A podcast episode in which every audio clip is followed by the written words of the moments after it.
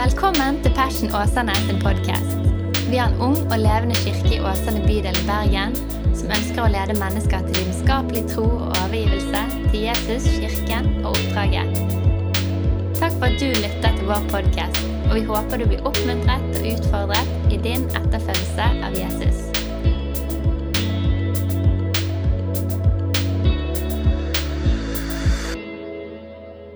Du, Vi skal begynne på en serie i Persen de neste fire gudstjenestene. Foruten et brekk med Arne midt inni der.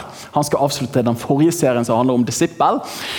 Men vi skal begynne på en serie som jeg har hatt lyst til å preke ja, faktisk over et år, som heter Moderne myter. Og Her kommer det til å komme litt stoff. Og Dette blir veldig veldig gøy. Og Moderne myter handler helt enkelt om at jeg ønsker å se på noen sannheter i anførselstegn som samtiden løfter opp som objektiv virkelighet. At ja, sånn er det bare. Og så har vi lyst til å stoppe litt opp og si ja, er det egentlig sånn? Og eh, Det er en katolsk og kanadisk filosof som heter Charles Taylor som har gitt ut en bok som heter The Secular Age. Det kan være at noen har hørt om han, men Det er akkurat som standardverket på den tiden vi lever i. den sekulære tiden. Og Han løfter opp fire-fem liksom, hovednarrativer. og det er mange fine fremmede men liksom hoved... Han sier ikke myter, det er jeg som sier det, men liksom tankesett som vi bærer med oss i den vestlige verden. Så det er akkurat som sånn er det bare. Og så sier han ja, er det vel egentlig sånn? Og han løfter opp at det er vel så mange trosforestillinger som ligger under de, som det er under religiøs tro osv. De fire punktene vi skal se på i løpet av de kommende ukene, er først identitet, suverene selve, frihet, frihet fra alle begrensninger, moral og rettferdighet, at vi kan bestemme den sjøl. Og det fjerde, historieteknologi, at vitenskapen er det sekulære håpet. Og Hvorfor gjør vi dette? her? Hvorfor har vi lyst til å preke om disse tingene? her? Det er mange årsaker til det. Håper at det ikke blir for nerdete, men jeg tror det er høyst relevant for oss alle. Og akkurat som når Paulus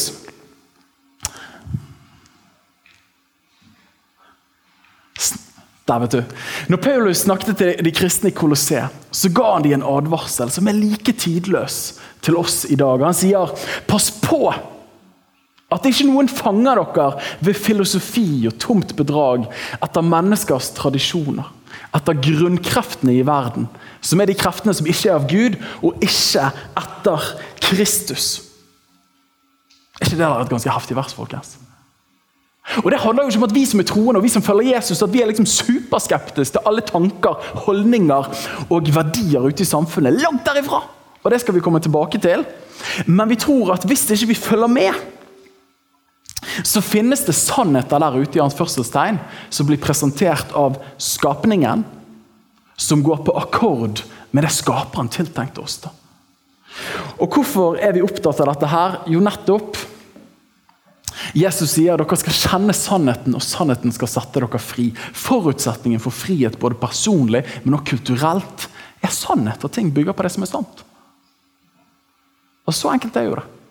Og Jesus er jo supereksklusiv. Han er nesten bergenser når han kommer i Johannes 14, 6, og sier han, folkens, jeg er veien, sannheten og livet. Jeg er ikke en blant mange sannheter, men jeg er sannheten. Bestemt form entall, som norsklæreren lærte oss en gang i tiden. Og skal jeg vise dere noe skikkelig kult som gikk opp for meg i dag.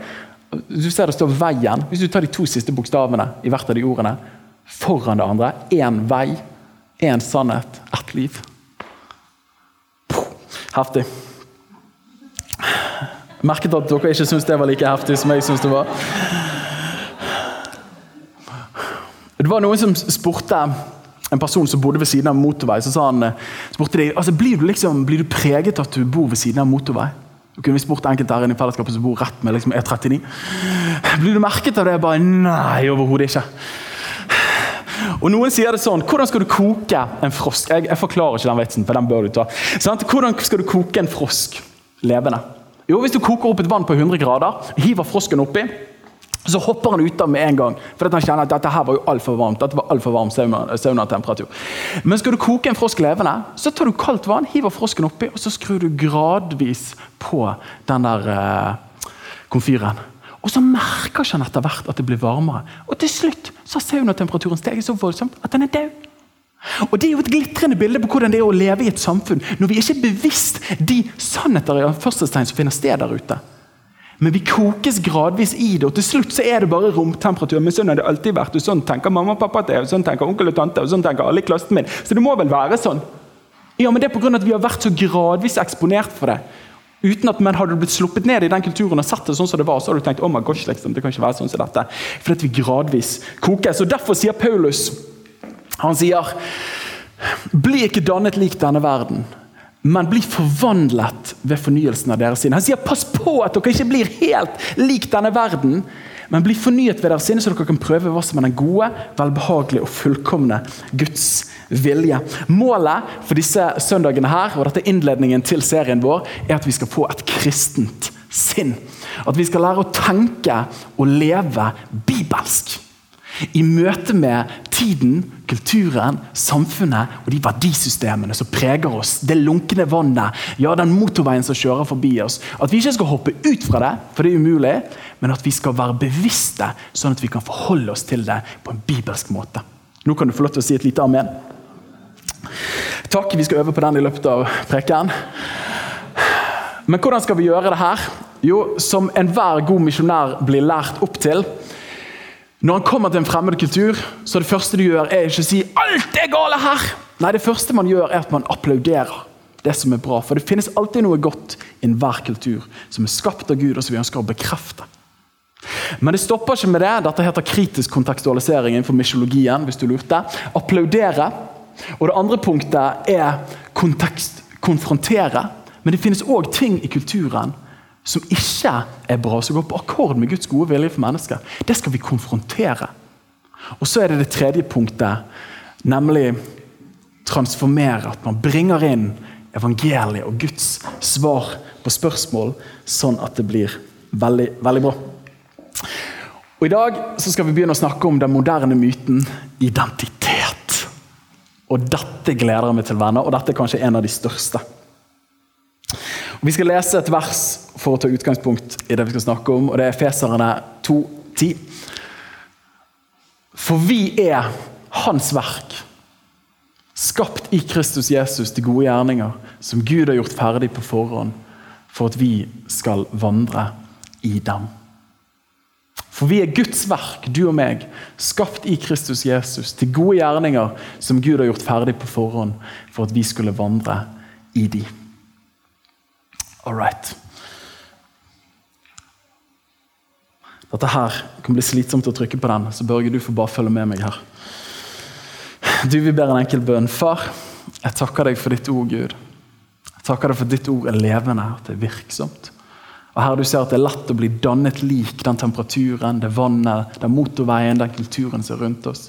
Men du ber om at du gir oss åpenbaring i løpet av disse øyeblikkene og de kommende ukene.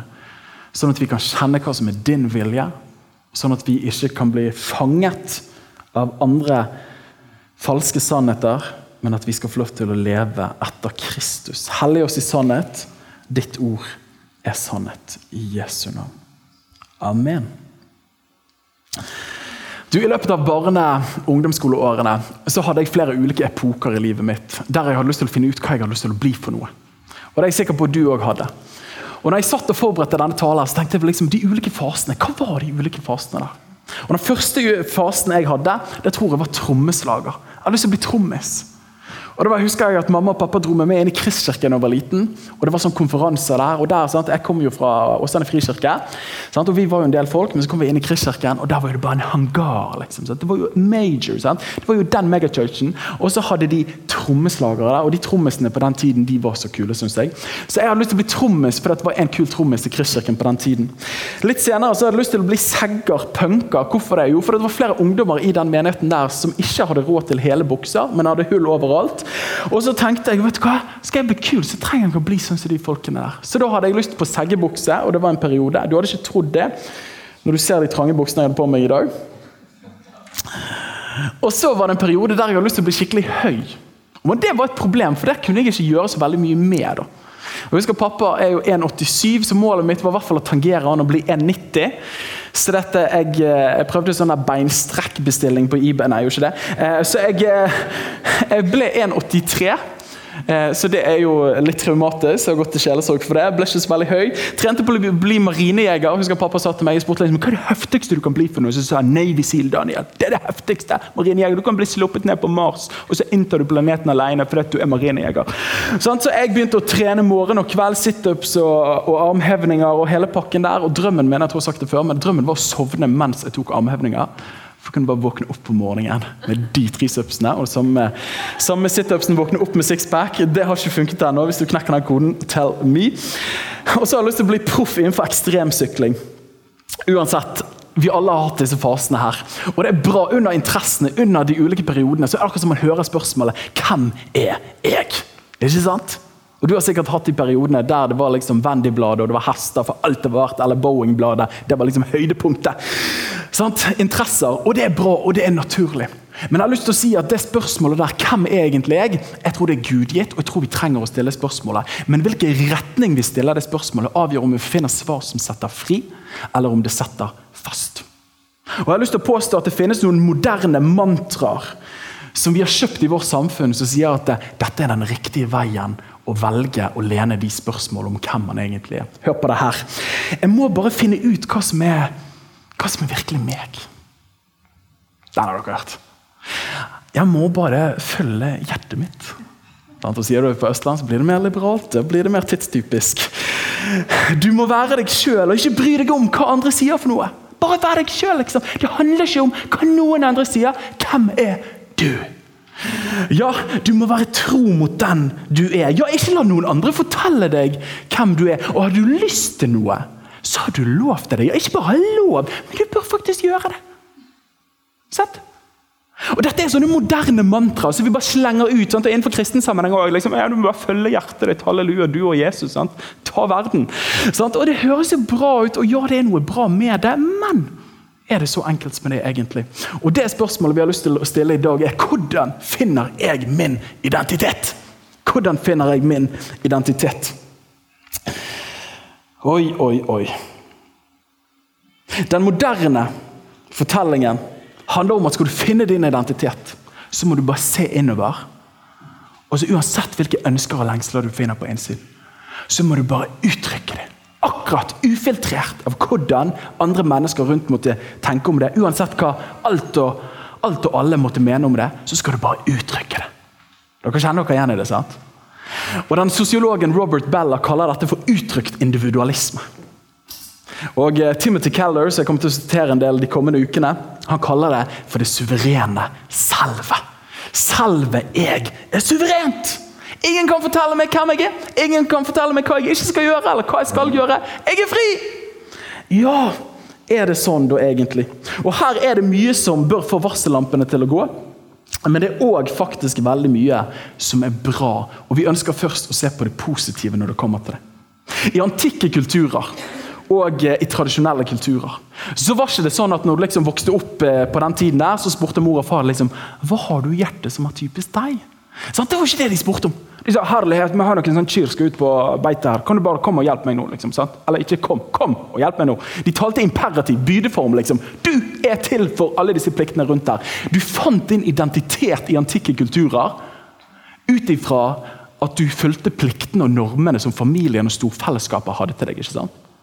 Og Det var ikke liksom et spørsmål om liksom, føler du at det er greit at du er en del av denne bondefamilien. Kan du se for deg å ta ut kyrne og melke dem på morgenen? Og så passer det på en måte med den selvopplevde identiteten som du føler på innsiden. Eller er du mer en kunstner som har lyst til å male og dra til storbyen? Folk har sagt, Hva for noe sprøyt? Altså, hva for noe tull? liksom? Kom ut med deg nå! Sånn? Altså, Det var sånn kulturen var i den antikke tiden. Og det er nok et par som kan relatere til det her inne, og som kommer fra mer sånn tradisjonelle kulturer. sant? Eller kanskje 10-15-20-30-40-60 år siden i Norge. Du skal ikke så veldig langt tilbake igjen. Men denne kanadiske filosofen, som er en svært smart type, Charles Taylor, sier det om disse fire-fem ulike sekulære sannhetene som vi skal snakke om de kommende ukene, at de oppsto faktisk i sammenheng med at kristentroen møtte den gamle hedenske kulturen. Er du med meg? F.eks. i møte med identitet, at individet er viktig. Ja, Er du klar over at røttene til det handlet om at den kristne troen kom og utfordret Den tradisjonelle oppfattelsen av at individet ikke var så viktig, men bare storfamilien. Så kom den kristne troen og utfordret disse sannhetene. og Han bruker disse eksemplene her. Og sier det sånn at Før den kristne troen individer er uviktige. Bare klan og stammen er viktig. Og etter kristen tro alle individer er viktig, har verdighet og fortjener min hjelp og respekt. Er du klar over det? Oi, spennende!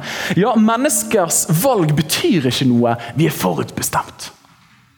Så kommer den kristne troen og utfordrer disse tankesettene som var så utbredt i denne antikke tiden, den greske filosofitiden. Menneskers valg har betydning, og vi er ansvarlige for våre handlinger. Ja, Emosjoner og følelser bør ikke bli utforsket. Bare trykk det ned, liksom. Du har ikke lyst til det egentlig.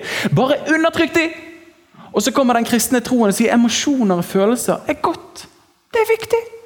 Ja, vi skal prøve å forstå dem, men så skal vi lede dem i riktig retning. Jeg vet ikke om du har tenkt på det med Nytestamentet. Det er jo ekstremt når det kommer til enkeltmenneskets verdighet og verdi. Ja, Johannes 3, 16, som mange kjenner til. For så høyt har Gud elsket verden at for hver den som tror på Han Ikke for hvis familien går inn for det, nei, for hver den. Gud løfter opp individets plass. Ja, Peter og Johannes når de blir løftet fram for Det høye råd pga. de forkynner om Jesus i Apostelens gjerninger kapittel 4. Hør på det her. Men Peter og Johannes svarte og sa til dem om det er rett overfor Gud å lyde dere mer enn Gud, kan dere dømme om sjøl, for vi kan ikke annet enn å tale om det vi har sett og hørt. Er dere med? Enkeltmennesket blir løftet opp. Verdien til hver enkelt, stemmen til hvert unike menneske. Kristentroen var med å løfte den verdien til individet opp. Det er jo fantastisk. Og som vårt bibelvers sa i dag, at Gud har unike hensikter og planer for hver enkelt person. Det hadde vært fremmed for tidligere generasjoner i antikken å tenke at meg individuelt har Gud et forhold til. Det var familien, det var stammen, det var landet, det var folket. Så kommer kristentroen og zoomer inn på den enkelte og løfter verdien opp. Er dere med? Kristentroen, Dette ønsker vi å applaudere. Og jeg tror vi samtlige her inne er glad for at det ikke bare relateres til ditt etternavn, men at faktisk du som person er viktig å ha verdi og en stemme. Og med gode røtter så kommer det gode frukter. Men tar du bort røttene, så blir de fruktene som var ment å gi liv, ender opp med å gi lidelse. Ja, fruktene råtner etter hvert. Og jeg har lyst til å påstå Det at det vi er med på nå i Vesten, er på mange måter et stort samtidseksperiment. Der vi ønsker fruktene av den kristne tenkningen, men vi ønsker ikke røttene. Som var med å danne grunnlaget for at vi erfarer de tingene. Og som en kristen tenker Mark Sayers, en glitrende type, han sier «We want the kingdom without the king». Vi vil ha godene, men ikke giveren. Vi vil ha prinsippene for den kristne tenkningen og troen, men vi vil ikke ha person. Jeg tror at det er et skummelt eksperiment vi har gitt oss ut på her i Vesten. Jeg tror at det har begrenset levetid. For det, der den kristne troen løftet opp enkeltmennesket og satt følelser, tanker, lengsler, det er viktig. Vi må forstå dem, men så må vi lede dem. Så har samtiden tatt det enda lenger og sagt ikke bare skal vi forstå dem, men vi skal sitte dem ukritisk på tronen av livet og livsutfoldelsen. Vi skal ikke lede dem, men de skal lede oss. Og Fra tidligere antikke tider, der det handler om at jeg fikk min identitet ut ifra i hvilken grad jeg oppfylte pliktene til stammen og folket rundt meg, så får jeg min identitet nå hvordan jeg bare lever ut det på innsiden, uavhengig av alt og alle. Ser du, Akkurat som vi har bare switchet 100% 180 grader. Og En av de beste eksemplene på dette er denne filmen her. Og Den vet det Mathias liker godt, men sorry to break it to you. Men sant, Her er jo The Frozen-filmen. Noen har sett den? Sant? Nå tar vi en kjapp gallup her. Jeg har sett den. Ja, sant? Vi alle har sett den, nesten. Ja. Jeg hadde ikke trodd det, Truls. Nei, bare tulla. Du tok ikke opp hånd hånden. Du tok ikke opp hånden. Men hva er greien her? Altså, Denne filmen tar denne mentaliteten om identitetsjaget på kornet! Og hva er temasangen? Få høre. Don't hold it back anymore. Er dere med? Det er liksom den moderne identitetsjaget i et nøtteskall med toner og musikk og akkord hei hvor det går. liksom. Let it go! Slipp opp!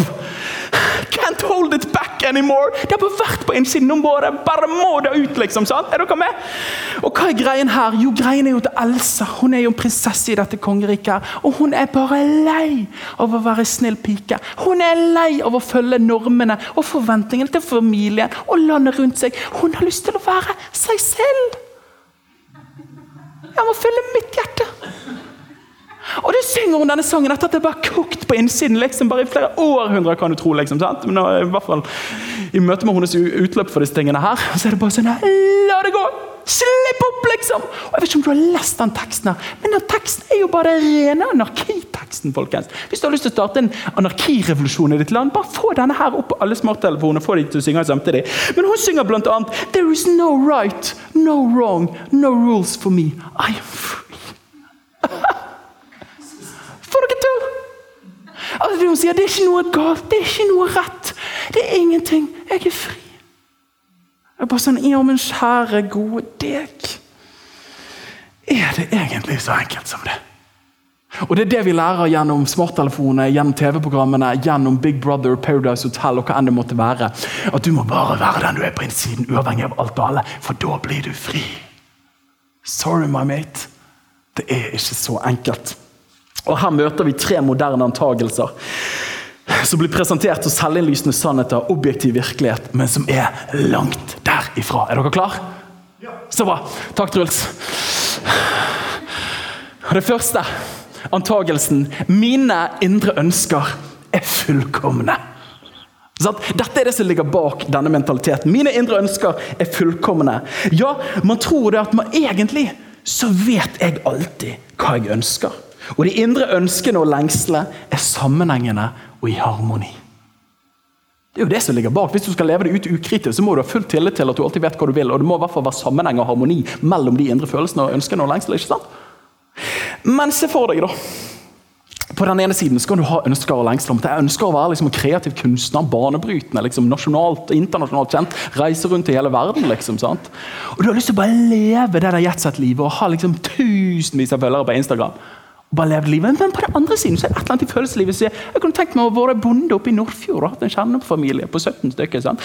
Så er det noe der Så sånn, det kunne jeg tenkt meg òg. Og nå kan vi relatere til disse tingene. Men det er vanskelig å liksom gjøre begge de to tingene samtidig. ikke sant? Ja, ok, men Betyr det at følelsene mine kanskje ikke alltid er i harmoni? Kanskje ikke alltid det er helt sammenhengende? Ja, det har jeg lyst til å foreslå. Ja, det er jo folk som har opplevd det jeg har lest om, at de har vært forelsket i flere folk samtidig. Oi, går det an? Ja, tydeligvis. Ja, Da er jo løsningen kanskje samtidig sier ja, men da kan du bare ha flere samtidig. Og så vet jo man at Hvis man har vært gift med en, så vet du at det er ikke så lett å ha en til. Det har det ikke gått. Det er vanskelig nok med en, sånn. Og det kan jo alle bevitne. Men hva er greien her? Jo, det er jo ikke mulig å dele livet med flere samtidig. Men følelsene kan jo si det. Det indre lengselet kan si det. Hva er det jeg prøver å si her? Jo, jeg prøver å si at det indre lengselet og ønskene våre er langt ifra alltid i harmoni. Og de er langt ifra alltid sammenhengende. Og skal du bygge din identitet på dem, så blir det en svært ustabil og en svært omflakkende identitet. For at følelser kommer, og de går. Og de kommer, og de går. Og de uteblir, og de inntreffer. Ja, dette kan bli slitsomt. Ja, I Jeremia 17, 17,9 så sier profeten en tidløs diagnose. Han sier at hjertet er svikefullt mer enn noe annet. Og Jeg tror ikke du skal ha levd mer enn cirka en dag før du forstår at det er nok sant. Andre antagelsen som ligger under den moderne tanken om hvordan vi får vår identitet, er at mennesket er godt og uskadet i bunn. Mennesket er godt og uskadet i bunn. En av de fremste tenkerne for dette synet her er den franske opplysningsfilosofen Rousseau. Har dere hørt om han? Han hadde dette idealistiske bildet av barnet i sin bok 'Emil'. Der han sa det at eh, han prøvde å forfekte Dette er jo det som ligger bak fri barneoppdragelsespedagogikken. som sikkert noen har opplevd, og kanskje hadde det sånn i oppveksten. Jeg må bare si en liten digresjon. Jeg hørte en gang om fri barneoppdragelse. At det var en, en gang en som sto på butikken, så var det kø med kassene, og så var det en liten unge som liksom hev et eller annet på hun som satt bak kassen. Og så sa han bak, og så sa han til hun, moren til den lille ungen sa, kanskje du ber han slutte. Det er jo, det er jo, det er jo ikke greit, det der. Det er jo dårlig medmenneskelighet. Og så sa hun nei, men dette er fri barneoppdragelse. Han trenger bare få utfolde seg ukritisk. for han kommer til å lære. Og Så tar han fyren bak og sier vet du hva, dette her går ikke. Så han tar en ketsjupflaske og så bare tar han og heller det over den lille ungen. Og så sier moren hva som feiler deg?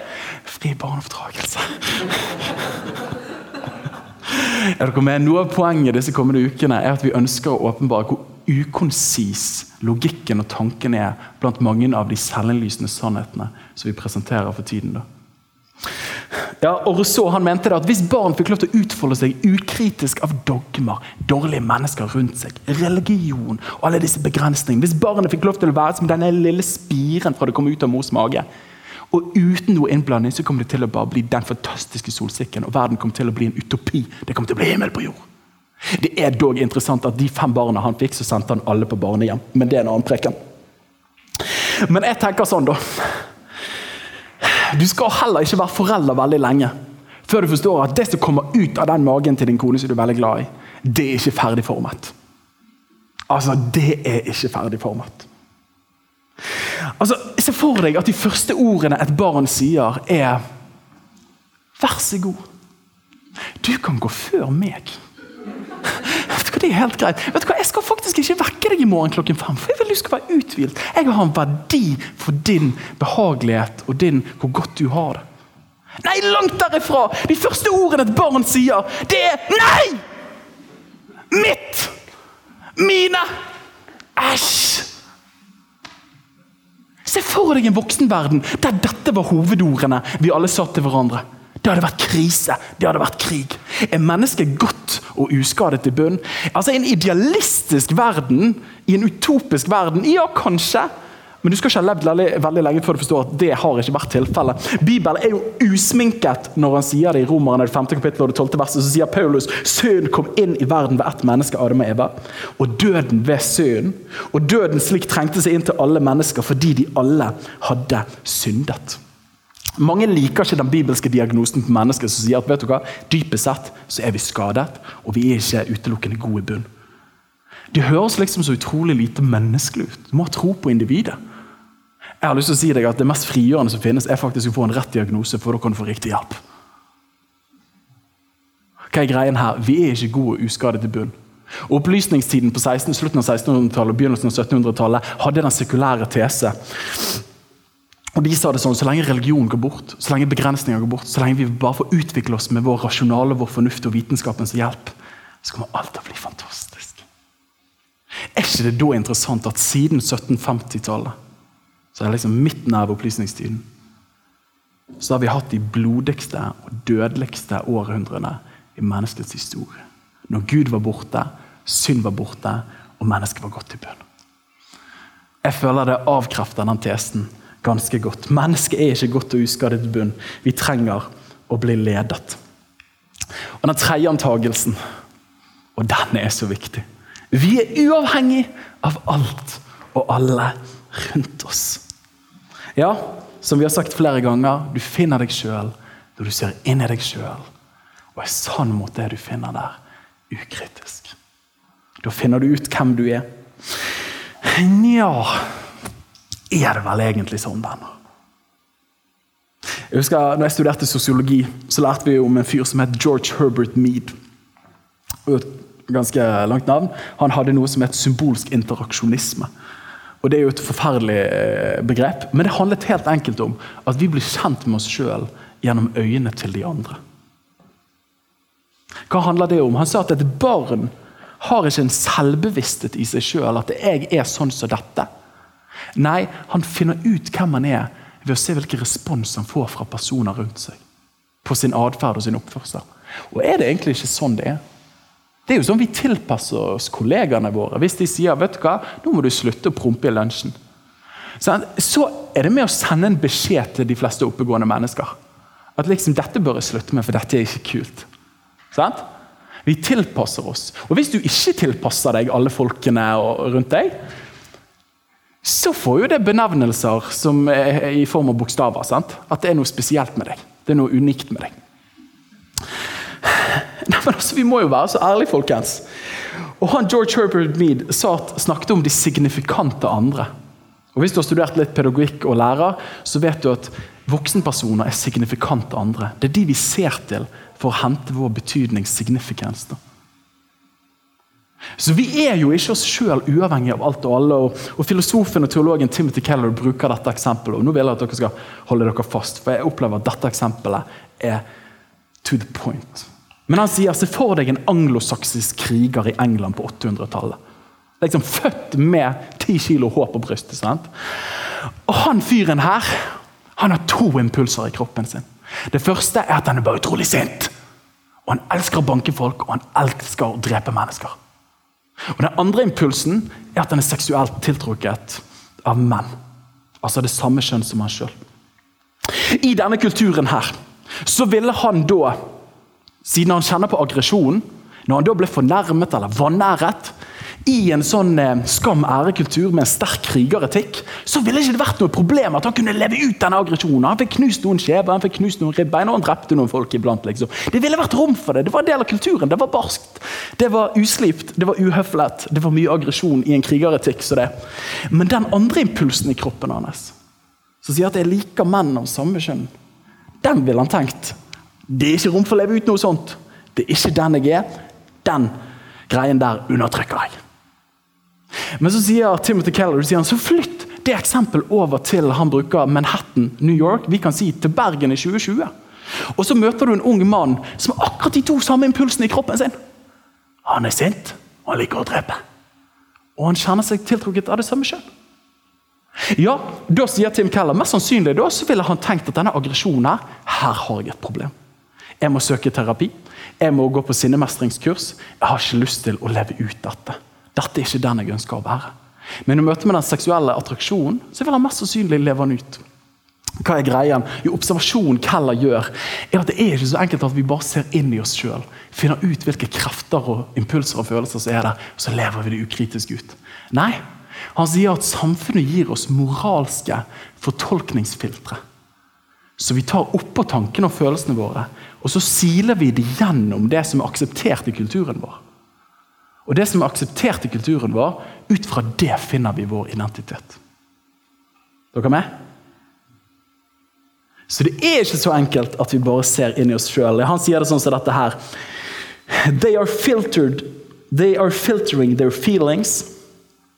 Jettisoning, altså forkasta sånn, and embracing others. They are choosing to be the selves their cultures tell them that they may be. In the end, identity based independently on your own inner feelings is impossible. Nå går vi snart inn for æren her. Men spørsmålet er hvordan finner jeg min identitet? Må nesten svares med et annet spørsmål. Hvilke signifikant andre lar jeg bestemme min identitet? Hvem ser jeg til? Er det samtiden? Er det sosiale medier? Er det kulturen? Er det bare mine indre følelser og lengsler og ønsker? Hvem ser jeg til? Og Da har jeg lyst til å løfte opp nettopp dette her. Og dette er jo kristen forkynnelse. Jeg syns salmisten sier det bra. Han sier at for hos deg, Gud, er livets kilde. I ditt lys så ser vi lys. Romerbrevet, det første kapittelet, er en litt sånn tidløs diagnose på alle kulturer uten Gud. Og Sier det sånn at man ender opp med å leve for skapningen istedenfor skaperen. En av de beste historiene jeg har hørt en gang, er om en T-Ford. Husker dere de T-Fordene? Hørt om de, lært om de historietimene? Kanskje noen har sett dem med egne øyne òg. Men i 1908 så var det Henry Ford i Michigan, Dearborn, Michigan han tenkte at vi må lage en affordable car til eh, liksom alle familier, ikke bare de som har mye penger. Så han lager da en familiebil som er så rimelig at den vanlige arbeider kan kjøpe den. Og I 1908 så begynner de å produsere T-Forden. I 1914 så har de 50% av markedsandelen når det kommer til biler. Det er ganske god markedsvekst. Det er en god forretningsidé. Hva er greien der? Jo, så er det et ungt ektepar som lever drømmen. Som har fått seg denne T-Forden der. To unger baki. Mor og far sitter der, og så kjører de og skal de ha piknik. Og så kommer de og stopper og så har de piknik med rutete sånn piknikteppe. For det må man ha hvis man er på piknik. Og så skal de tenne bilen igjen etterpå, og så får ikke han fyr på han da. Og Så sier konemor og så sier han, husband, honey, can you make the car work again? Sant? Og så hopper han oppi der. Det var dårlig engelsk. Så hopper han oppi der, og så prøver han å få den til å funke. Så går det fem minutter, så går det ti minutter, 15 minutter, og så kommer det ikke fyr på det muskedunderet der. da. Og etter at han har liksom blitt skitten på hendene sine og tatt på olje for første gang i sitt liv, så kommer det eller ikke på den tiden, så har de sikkert tatt mer på, mer på olje. Og Så kommer det en gammel mann forbi og så sier han, kan jeg få lov til å kan jeg få hjelpe dere. Og så ser han ektemannen bare og tenker hva i alle dager er det han tror han kan om den bilen. her? Det er en sann historie. Og så um, insisterer denne gamle mannen og sier du, vær så snill, kan jeg få lov til å prøve. Og så tenker han unge mannen ja da, det er jo bare pinlig for han hvis han ikke klarer det. Liksom. Men ok, du kan få lov til å få en sjanse. Du er jo en fossil, du kan jo ikke dette. tenker han. Og Så går han bort og så begynner han å skru litt, og så går det liksom et par sekunder. Nesten et minutt, to. Og så plutselig rum, rum, rum, rum, og så funker bilen igjen. Og så sier han gamle mann du, jeg kan jeg få lov til å bare hilse på deg. Jeg heter forresten eh, Henry Ford. Og det øyeblikket der, vet du Da føler du deg dum. Men hva er greien der?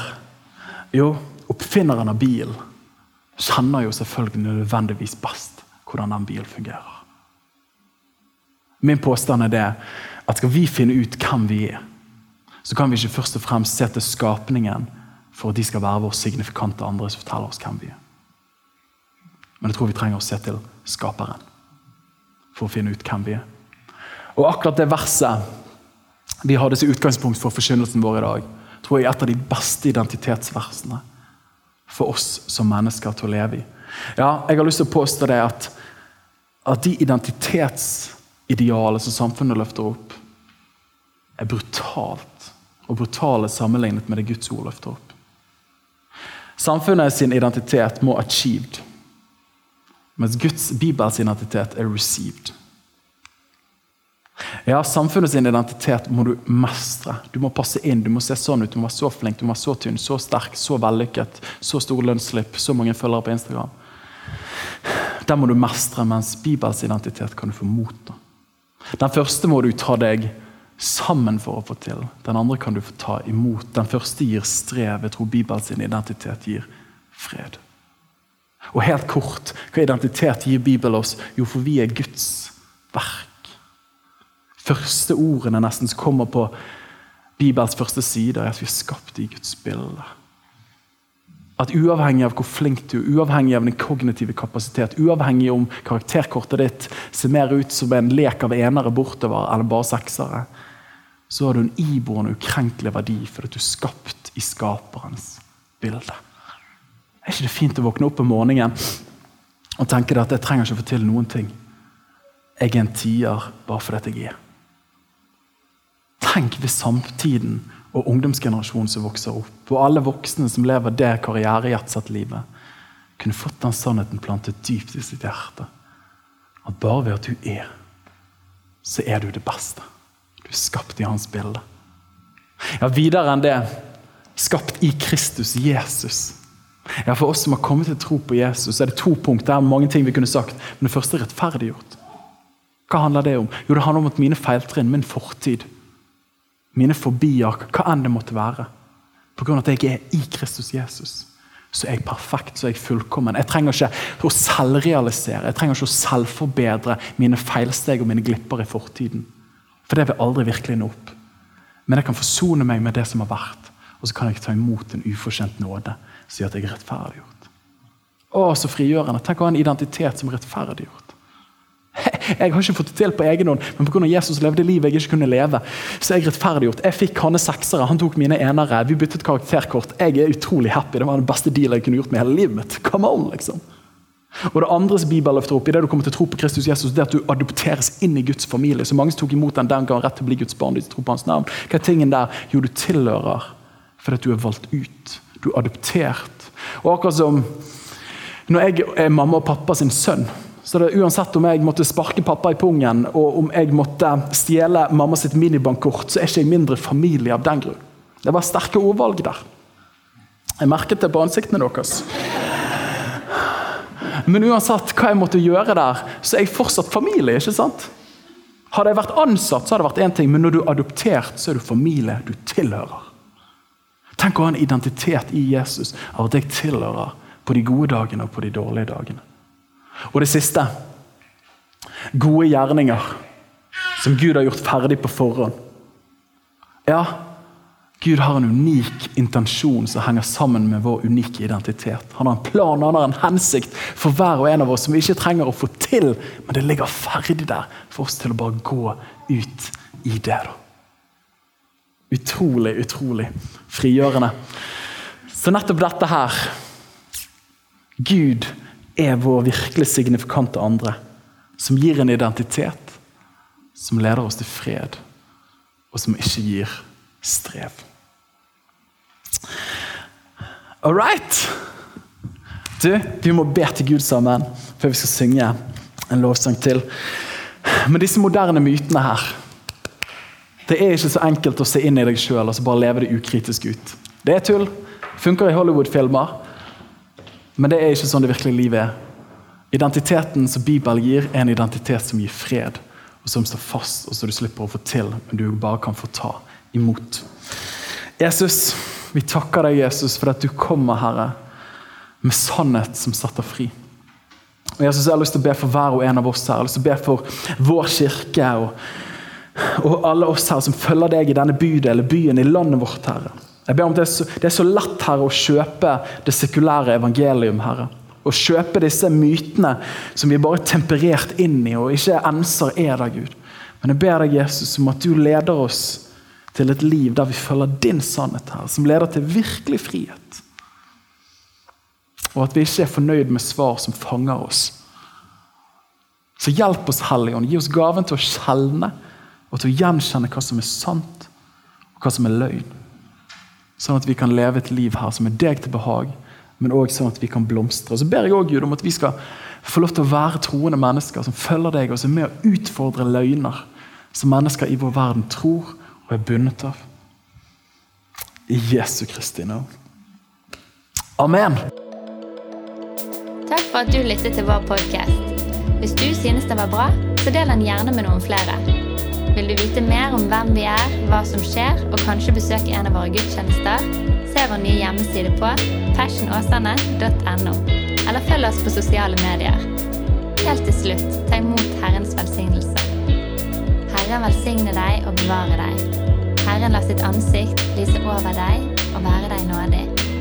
Herren løfte sitt åsyn på deg og gi